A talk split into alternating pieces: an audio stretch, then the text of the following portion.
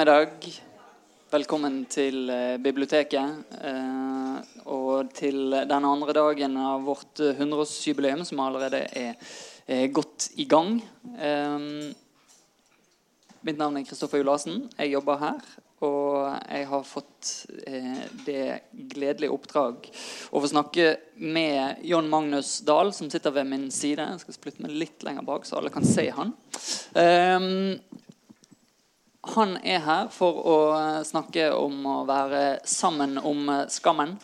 Eh, om et av Norges eh, aller største kulturfenomener eh, de siste årene. Dramaserien 'Skam', som gikk på eh, NRK TV og nett. Og som har blitt eh, et internasjonalt eh, fenomen. John Magnus er, er, medieviter. Han er stipendiat på Institutt for informasjons- og medievitenskap her på Universitetet i Bergen. Uh, og der uh, forsker han på, på uh, noe litt annet. komedier og, og, innvandring. Men han og hans kollega Synnøve Lintner de klarte å stable på beina et eget lite forskningsprosjekt knyttet til mediefenomenet skam.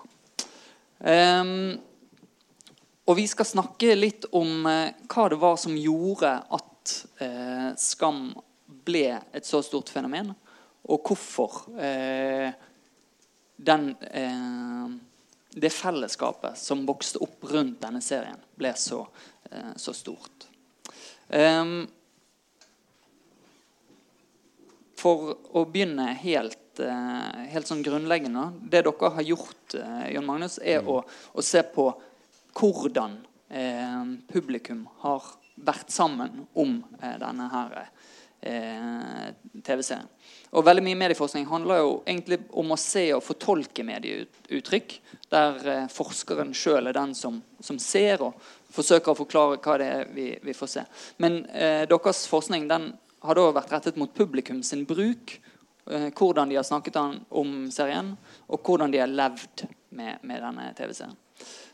Og Hva var grunnen til at dere valgte å ta den tilnærmingen? Heller publikum enn innholdet? Det er fordi eh, vi syns det var veldig interessant at dette var eh, Skam ble jo publisert på en egen blogg, den skam.p3.no. Og eh, der var det jo et kommentarfelt, som det er på de fleste andre blogger.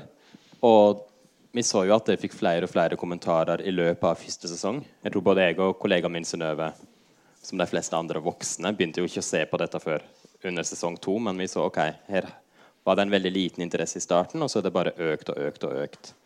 Og vi begynte å lese en del av de kommentarene. Og så reagerte vi på at det som sto i avisen om Skam, var så veldig annerledes fra det som sto i kommentarfeltet på bloggen.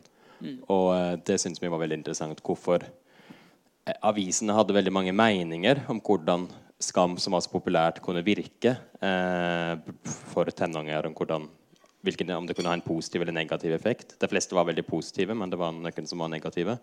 Um, mens uh, i uh, bloggen diskuterte jeg jo helt andre ting. De diskuterte serien veldig nært. De var hovedsakelig opptatt av kjærlighetsforhold til karakterene.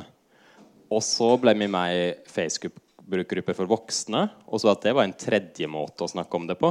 Mm. Um, som jeg kanskje kan utdype litt senere. Det var det som gjorde oss interessert. Og liksom, ok, kanskje gå At det var så mange ulike, ja. for å bruke et vanskelig ord, diskurser om uh, dette, dette, fenomenet? Ja, det var rett og slett um, veldig tydelig at dette var en serie som skapte masse samtale på veldig mange ulike arenaer. Uh, og den samtalen var veldig rik, så det var jeg interessert i å forske videre på. Mm. Uh, en av de sånn tidlige artiklene som du og, og Synnøve Lintner har publisert Nå er jo forskningen deres den er jo ikke egentlig ennå kommet helt ut. Den ordentlige eh, fagfellevurderte forskningen den er fortsatt under publisering, som det heter.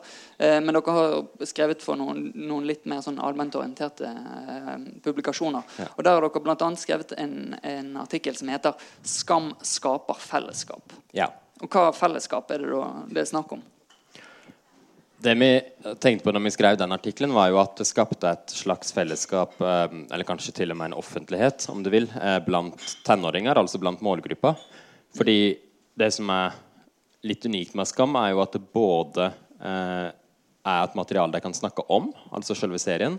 Og det var et forum de kunne snakke i den bloggen. Og bloggen er den er anonym. Den er, den er moderert, men man ser ikke moderatorene. Det er ikke slik at NRK bryter inn og kommenterer sjøl. Moderatoren er bare usynlig, og det fjerner ganske lite, egentlig. Um, så det er en veldig fri diskusjon som er veldig styrt av ungdommene. Uh, og dessuten er den måten serien Skam er bygd opp på, um, er jo at det tematiserer ungdommenes egen hverdag um, på en måte som vi mener knytter mer an til et fellesskap. Rett og slett fordi at de problemer eh, ungdommenes problem i serien blir knytta opp mot samfunnsmessige problem. Mm. Ikke på en veldig direkte måte, men eh, på en mer indirekte. F.eks. feminisme og forståelsen av det i både sesong 1 og 2. Og eh, homofili i sesong 3. Ok, ja. så, Sånn at de fellesskapene som er mm. liksom konkrete ja. samtalefellesskap som foregår i ja, bloggen eller på, uh, i Facebook-grupper, det blir, de knytter seg an til større, mer eh, allmenne fellesskap? Er det det dere, dere hevder? ja, vi mener det er et slags menneskelig fellesskap som kan ha et potensial til å bli et politisk fellesskap som kan bli skapt gjennom å diskutere skam. Nettopp. Uh, for å knytte litt an til, til den tolkningen. Du har eh, også skrevet eh, en, eh, en, annen artikkel der du går mer inn på innholdet. Mm. Eh, og der du sier innledningsvis at Skam både kan beskrives som en selvopptatt serie for en selvopptatt generasjon, og som en motsetning til en sånn selvopptatthet. En serie som tar steget vekk fra det private og knytter, an til tenåring, og knytter tenåringers erfaringer til det offentlige. Ja. Uh, og her ser du jo Da er det en sammenheng da, mellom innholdet i serien og uh, det, uh, den offentligheten eller det, det, fellesskapet som spilte seg ut utenfor. da. Ja, det er det. fordi serien er jo et veldig, det er en veldig klassisk dramaserie. Man kan til og med si det er et melodrama. altså Det handler om konfliktene mellom, handler om sterke følelser, det handler om kjærlighet. En bruker ofte veldig mm, ja, sånn tåredryppende virkemiddel med sakte film og musikk. Eh, både på en ironisk, men også på en helt uironisk og litt sånn inderlig måte. Og det, men det interessante er jo da at på mange andre måter gjennom sånne små referanser, gjennom samtalene til karakterene f.eks., så er det et potensial del som sier ok, dette handler ikke bare om eh, Eva eller Nora eller Isak eller Sana sin private eh, tenåringstrøbbel. Det, kanskje det handler om samfunnet, og at hvordan samfunnet er bygd opp, har visse ting å si for deres, deres livssituasjon, som vi ser her. Mm. Men uh, folk tolker jo ting veldig ulikt, og det er ikke nødvendigvis at den tolkningen noe alle har. Eh, vi ser den veldig på Skambloggen, f.eks., og vi så den veldig hos tenåringene. Men der voksne fans er, ikke alle, men mange voksne fans, hadde en litt mer privat tolkning der dette handla ble veldig, veldig personlig for deg, og egentlig ikke særlig politisk i det hele tatt. Hva tror du det skyldes? At, at ungdommen var uh, mer sånn allment orientert i dette? At uh, de voksne personifiserte det med? Eller personliggjorde det? Eh, det, er, det er jo spekulasjon. Det er, spekulasjon. Vi har jo intervjua deg, og jeg tror det har litt Det har litt å gjøre med at det vi har, snart, vi har diskutert litt også, er at livet til tenåringene er i så stor endring. og Det er noe de opplever gjennom den serien også. Mm.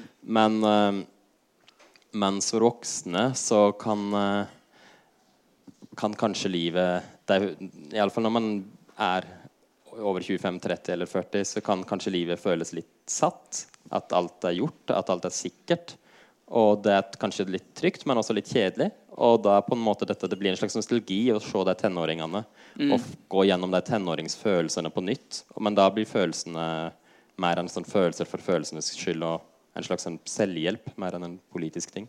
Ja, så De voksne eh, går inn i skam for å møte igjen eh, desperasjonen og kjærlighetssorgen eh, og, og ja. gleden ved kjærlighet. Mens for ungdom så blir det mer et spørsmål om å utforske ulike sånne identitetsspørsmål som, som ja. gjerne er mer allmenne. Ja, det stemmer. Vi er, eh, har også forska på en bestemt voksengruppe på Facebook som uh, er veldig aktive. Og de er veldig snak snakker veldig om eh, også når gjorde det, at jeg begynte å føle igjen på ordentlig. At jeg virkelig følte igjen. Og akkurat nå så ser de Skam på nytt på samme, de samme datoene som det opprinnelige klippet ble sendt. Og da rapporterer det dette. Ja, det var så deilig å føle noe igjen. Jeg så dette, og jeg hadde gleda meg, for nå føler jeg igjen. Uff, det er jo eh, både fint og litt, eh, litt trist. um, men, men, eh, for å snakke litt mer om, om de, disse samtalene i, i, dette fellesskapet rundt uh, Skam. Hva er det som, som har kjennetegnet uh, de samtalene? Du har jo sagt litt allerede. men... Det, det begynner alltid på karakter, om karakterer. Eh, og det er noe sånn TV-publikumsforskning ofte viser at det som en snakker om når en snakker om TV-serier, det er jo gjerne karakterer. Hvem liker den, hvem liker den ikke? Eh, og så er det mer interessant ja, men hvorfor liker den eller ikke det? Mm. Og det fine med den Skam-bloggen er jo at det er et forum der en faktisk kan diskutere det. Og etter hvert så diskuterer en, en diskuterer motivasjonene til karakterene. Hvorfor gjorde de slik eller sånn. Mm. Og det, de diskusjonene er jo ofte blitt en diskusjon som er mer allmenn. F.eks. Eh, fra Nora og William i mm. sesong to så var det en stor diskusjon om William var manipulerende eller ikke. Og hva betydde det egentlig å være manipulerende? Um, så det ble litt mer allmenngjort med en eneste gang. Um, og uh, et interessant sitat der var jo fra bloggen var at ja, det er trist at fyrer som William får alle jentene, men slik er dessverre virkeligheten òg. så det er, um, ja, det er det utgangspunkt i karakter som er det tydeligste kjennetegnet. Da, og det er det som må bevege at det er mulig å bevege seg fra å snakke bare om serien til å snakke om mer allmenne ting. Mm. Men dette er ofte diskusjoner som er litt sånn moralske, eller? Ja, det er veldig ofte moralske. Det, det handler ofte om hvordan, kort sagt, hvordan en skal behandle hverandre. Mm. Eh, og hva det egentlig vil si helt konkrete situasjoner. Mm. Så det, ja. Men ligner de på den måten da litt på eh, de eh, diskusjonene som gikk for seg i, i, pressen? Som dere kanskje tenkte var litt, eh, ikke gikk eh, dypt nok? Eh, Nei, fordi de var veldig ulike. fordi Diskusjonen i presten handler jo mye om mer åpenbart politiske saker mm. enn hva, hva, som skjer i Skam-bloggen, f.eks.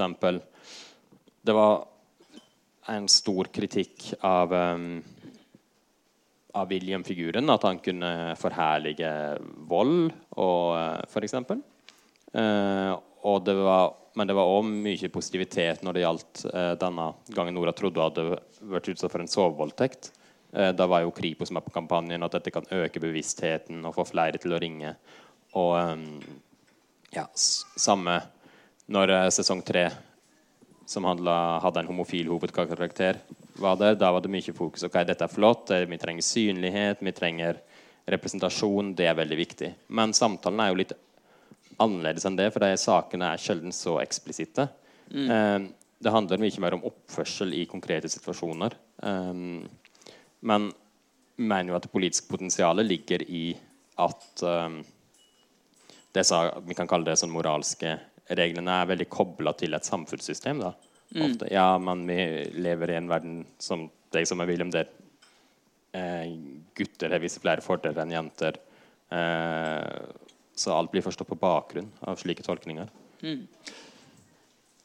Men hva er Altså, nå hadde jo eh, Skam man lagt til rette for at det skulle finnes en, en uh, samtale. De hadde kommentarfelt der de publiserte, eh, publiserte disse klippene sine fortløpende osv. Så, videre. så det var jo en del teknisk som rett og slett lå medieteknisk som lå til grunn for at en sånn samtale i alle fall skulle kunne finne sted. Ja. Men det må også være noe med, med serien i seg sjøl, tenker ja. jeg. Som, som, for det, den avfødte jo diskusjoner på mange andre plattformer også. Ja, absolutt. Nei, altså For det første mener vi jo at serien er veldig god.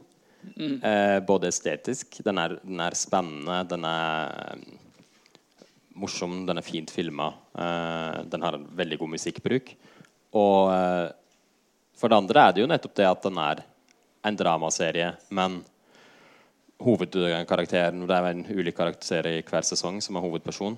Eh, dens problemene dens og dens utvikling henger på mange måter sammen. Eh, med trekk i samfunnet. Det blir mer og mer synlig utover sesongene. Det starter veldig mjukt med Eva som deg, er veldig usikker på kjæresten Jonas. Men det ligger jo et slags feministisk potensial der at hun må klare å være et menneske på egen hånd, ikke bare gjennom en kjæreste.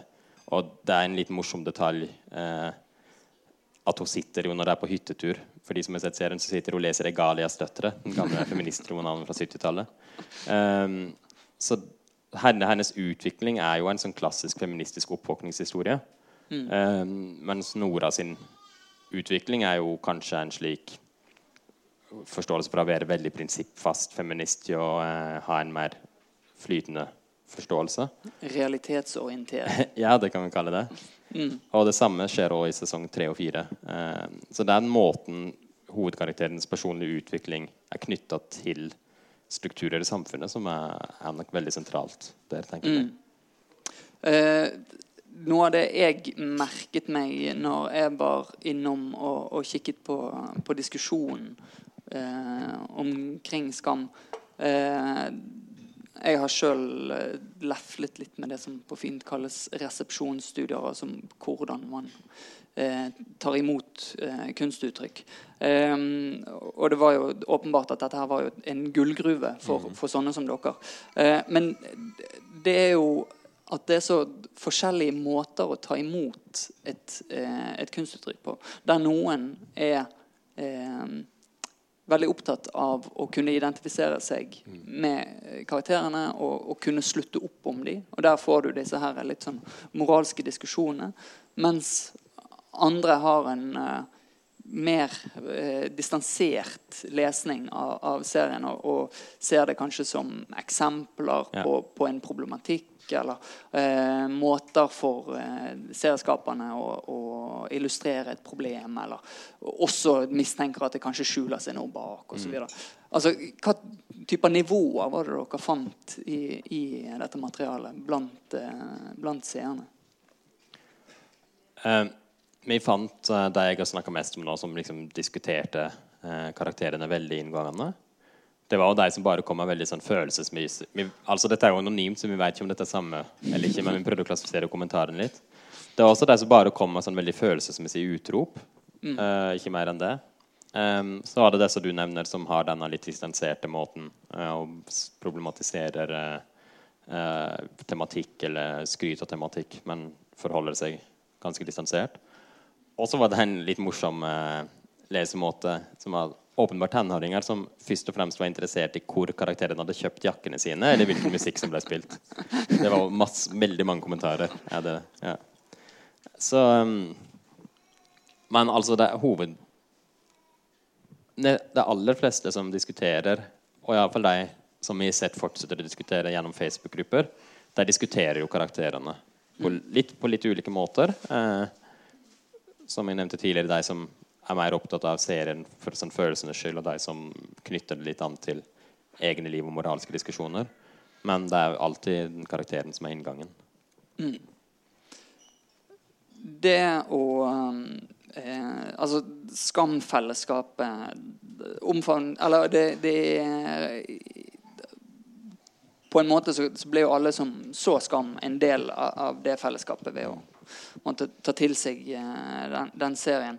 Ehm, men det var jo eh, en liten gruppe egentlig av seerne som begynte aktivt eh, kommentere og, og diskutere.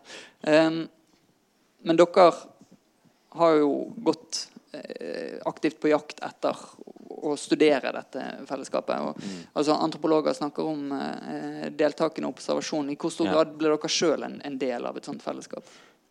Vi ble en ganske stor del av det. Det var et par ganger vi diskuterte veldig mye. Mm. Um, I voksengruppene, da. Vi blanda ikke aldri inn i de ungdomsgruppene. Uh, heller ikke på bloggen. Um, men i voksengruppene så diskuterte vi en del. Og det vi diskuterte da, var vel helst hvis noen hadde veldig sterke meninger. Um, og vi begynte jo vi begynte jo fordi at først hadde vi ikke tenkt å studere det voksne i det hele tatt. Så da var det en sånn ok, men vi er på disse gruppene hele tida.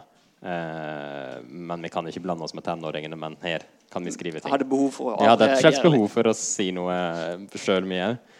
Og det fortsatte litt. Men når vi ble interessert i å forske på det, da har vi jeg vet ikke, om du kan kalle det sånn aktivistforskning, av og til komme med noen sånne innskudd. For å se om vi kan, egentlig for å se om vi kan provosere litt. Om vi kan trekke fram Hva, hva ville det dreie seg om da, f.eks.? Hvis du husker? Vi eh, Altså, disse voksne fansa er jo veldig opptatt av Even og Isak. Eh, og de har en veldig spesiell Eller en veldig Ikke spesiell, men en uh, veldig bestemt mening om hvordan forholdet deres skal være. Og de er samtidig blitt veldig interessert i andre ting på bakgrunn av det. De har blitt veldig interessert i andre filmer og andre dokumentarprogram om, eh, om uh, homofili. Uh, blant annet disse seriene som har gått på NRK med 'Utenskap' og 'Jævla homo'. Okay. Og der har vi engasjert oss litt i diskusjonen, for det har en veldig De har en veldig kjønnskonservativ oppfatning av dette forholdet. Det syns de er så fint fordi at for eksempel, vi det ikke kaller verken Isak eller Even for homo. De sier nei, de er forelska i hverandre, og vi trenger ikke vite noe mer enn det. Vi trenger ikke si noe mer enn det. Um, de har um, De skriver sånne historier om det, sånn fanfiction. Blant annet om framtida der de har adoptert barn.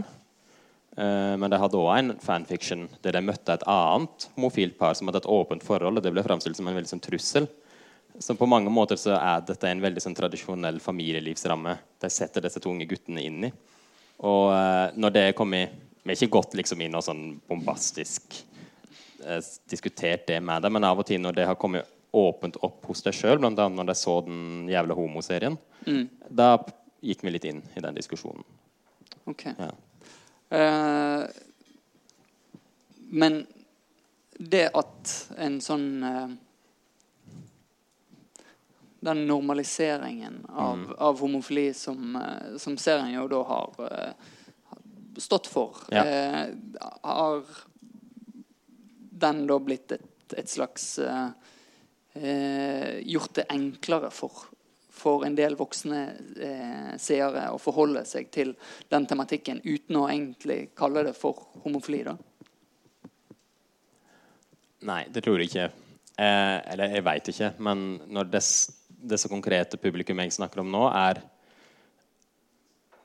Vår tolkning, det, vi har jo intervjua en del av dette og fulgt veldig nøye med, er at de er interessert i dette paret for sin egen del. De knytter det opp til sitt eget liv, Ja, okay. som, ofte som mødre. Eller, at- ja, og det er det som er viktig der. Det, mm.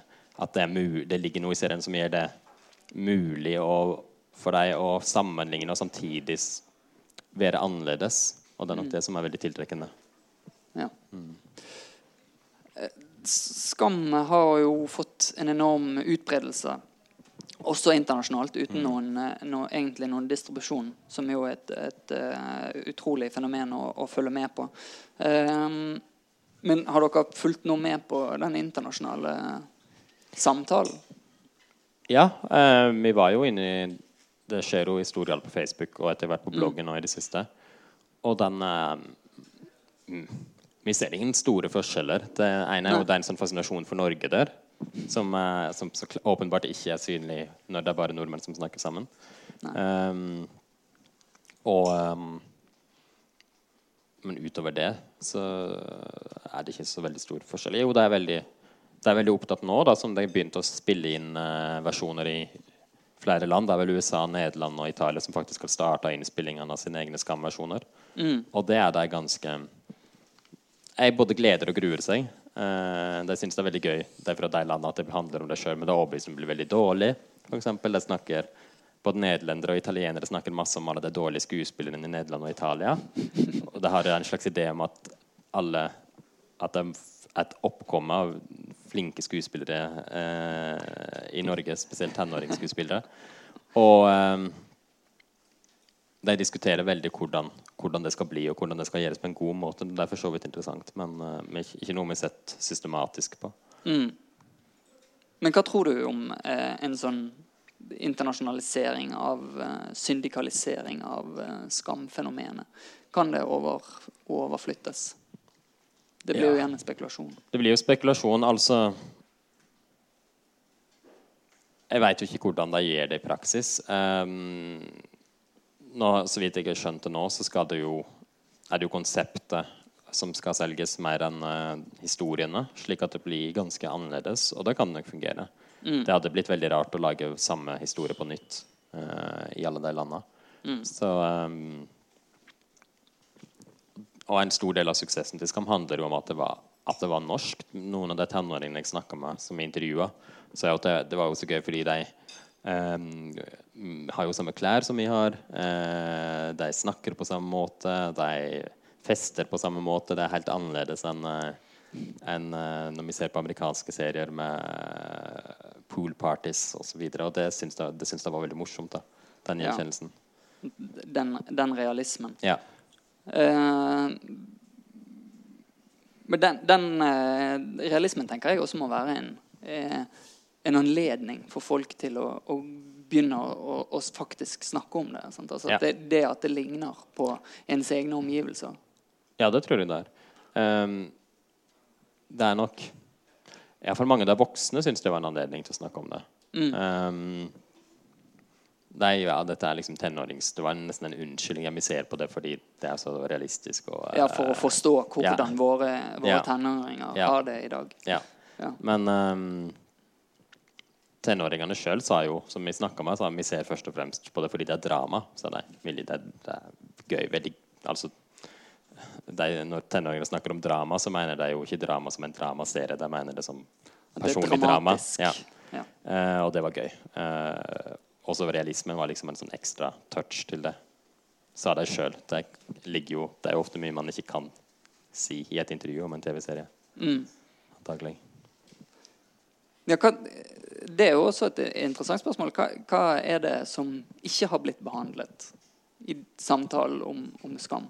Eller er, har eh, samtalen så å si vært helt eh, åpnet opp eh, dør for dør, som har eh, Eller har publikum på, på noen Ah. sider sensurert seg, seg sjøl? Det er vanskelig å si. Altså Jeg har ikke noe inntrykk av at jeg har sensurert seg sjøl. Det er jo et Mm. veldig stort mangfold av tolkninger. Og det er jo fordi sier, det er en veldig rik, veldig rik serie. Um, så nei, jeg tror ikke det er noen tema som egentlig Iallfall ingen tema som Skam åpenbart legger opp til, som ikke har blitt snakka om. Mm. Eh, vi sitter jo da to forholdsvis voksne menn og, og snakker om en tenåringsserie eh, som hadde nasjonalt gjennomslag og, og fikk eh, et publikum i alle, alle aldersgrupper. Eh, du forsker på emnet og bidrar da til å gi det en sånn akademisk relevans. Eh, eh, på et eller annet tidspunkt så sluttet jo Skam å være en ungdomsserie. Ja. Eh, eller et ungdomsfenomen. Eh, men når ble det noe alle skulle bry seg om? Og litt sånn oppfølging til det Hvis det gjennombruddet ikke hadde funnet sted, kunne den, hadde forskningen din sett lik ut, tror du? Nei, det hadde den jo ikke. Eh, gjennombruddet begynte først fordi Natt og Dag skrev om sesong én. Okay. Ja. Eh, og at den var fantastisk god, og at de må se den, og de må se sesong to når det begynner. Um, det var Og så skjedde det noe sånn midt i sesong to, uh, tenker jeg. Um, altså, som sagt før De kommentarene i kommentarfeltet i bloggen vokste hele tida. Uh, og um, det gjorde de før Natt og Dags oppslag. Og det var tydelig tenåringer, alle de fleste, som skrev det. Eh, men det eksploderte jo når det fikk all den voksenoppmerksomheten, avisoppmerksomheten. Men eh, altså De som oppdaga det først i utlandet, var jo igjen tenåringer. Eh, og de leser jo ikke Aftenposten. Eh, så det var jo veldig stort. Det hadde blitt veldig stort hvis dette ikke hadde skjedd. Og det er vanskelig å vurdere jeg, hvordan jeg sjøl hadde forska på det. Altså, jeg begynte å se på Skam eh, før jeg leste om det i Natt og Dag. Fordi, fordi jeg bodde i utlandet, og så det var liksom min måte å komme hjem på, var å se på NRK. Um, og da så ble jeg hekta. Og, men så klart, det hadde jo vært en helt annen, annen ting. Vi, hadde jo, vi har jo forska i tillegg på hva media sier om det. Det hadde jo vært borte. Og uh, denne vokseninteressen hadde jo vært borte. Det er vanskelig å si om alt som skjedde i media uh, og i voksengruppen, hadde noen påvirkning på hvordan tenåringene sa serien. Det kan hende. De, jeg spurte deg jo direkte om det, og da sa de nei. Men igjen, det er en sånn ting som en skal svare, antagelig som et intervjuobjekt. Det hadde aldri sagt ja. Um, så det, det, er litt vanskelig å svare på, men det hadde nok vært veldig stort selv om de voksne aldri hadde oppdaga det. tror jeg. Mm. Eh, vi har eh, god tid til å, eh, spørsmål og kommentarer fra dere som sitter og, og hører på. Eh, så det er vi mer enn åpne for. Ehm, men hva var det som, eh, som har overrasket deg mest når du har eh, begynt å, å virkelig dykke ned i, i dette materialet? Det som har overraska meg mest, er at um, den, den detaljen jeg ikke har nevnt før, og det er um, at selv om alle er veldig klar over at dette var en dramaserie Det var et par voksne i begynnelsen som var litt u... I begynnelsen var det en del tenåringer som sa er dette en dokusåpe, er, er dette virkelig, eller er det drama? Nei, det er drama. Og uh, så var det et par voksne som var litt urolige for at det er så realistisk at det blir litt forvirra. Uh, og så måten at det ble publisert kontinuerlig, gjorde at det er konstant til stas for deg. Mm. Men det er en annen slags liten forvirring mellom fiksjon og virkeligheter. Uh, at både tenåringer og de voksne fansene er ofte veldig opptatt av at skuespillerne uh, skal ha hatt noe ekte som ikke bare var i manus. Eh, eksempel er det den anekdoten om at fra sesong tre, når han Henrik Holm ble valgt som Even, mm. så var det valget til han som spilte Isak Terje Sandvik Mo fordi at det hadde så god kjemi. Det er veldig populært. Og det er liksom et slags ønske om en, at det de ser på Skam, eh, er virkelig på en eller annen måte. Selv om de vet det er fiksjon, selv om de vet de ikke er sammen i virkeligheten, så var det ok, det er noe virkelig der. De hadde en sånn, skuespillerne hadde en personlig kjemi. Mm. Og det fins flere eksempel på det. da. Og det var interessant. Det var en, helt, det var en ganske ny ting at, uh, for min del. At, at uh, autentisitetssuget uh, ja. liksom viste seg flere steder. Ja. Det var, ja, det var en interessant form for identitetssug, rett og slett. Mm. Jeg ser ut i salen om det er noen som uh, har et uh, spørsmål eller en, en kommentar. Så synes kanskje ikke å være. dere har nå forskningsartikler som skal publiseres, eller skal skrives ferdig før det publiseres. Hva er de, de viktigste funnene dere presenterer der?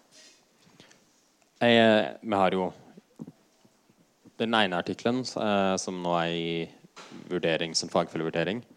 Eh, den handler jo om tenåringsfans. Og der er jo funnet at eh, måten Skam er bygd opp på som serie, og måten publiserer på, det trigger samtale. Og den mm. samtalen har et politisk potensial fordi den knytter enkelterfaringer til sånn større samfunnsstrukturer. Mm. Eh, den andre, eh, som studerer de voksne fansa, det handler mer om at eh,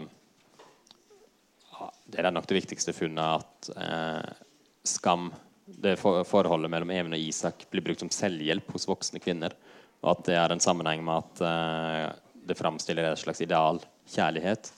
Eh, samtidig som det er annerledes fra tradisjonelle. Det er likt og ulikt tradisjonelle kjærlighetsforestillinger på samme tid. Og det gir det veldig stor rikdom for mm. en viss publikum. Mm. Mm. Da skal dere få lov til å klappe for oss.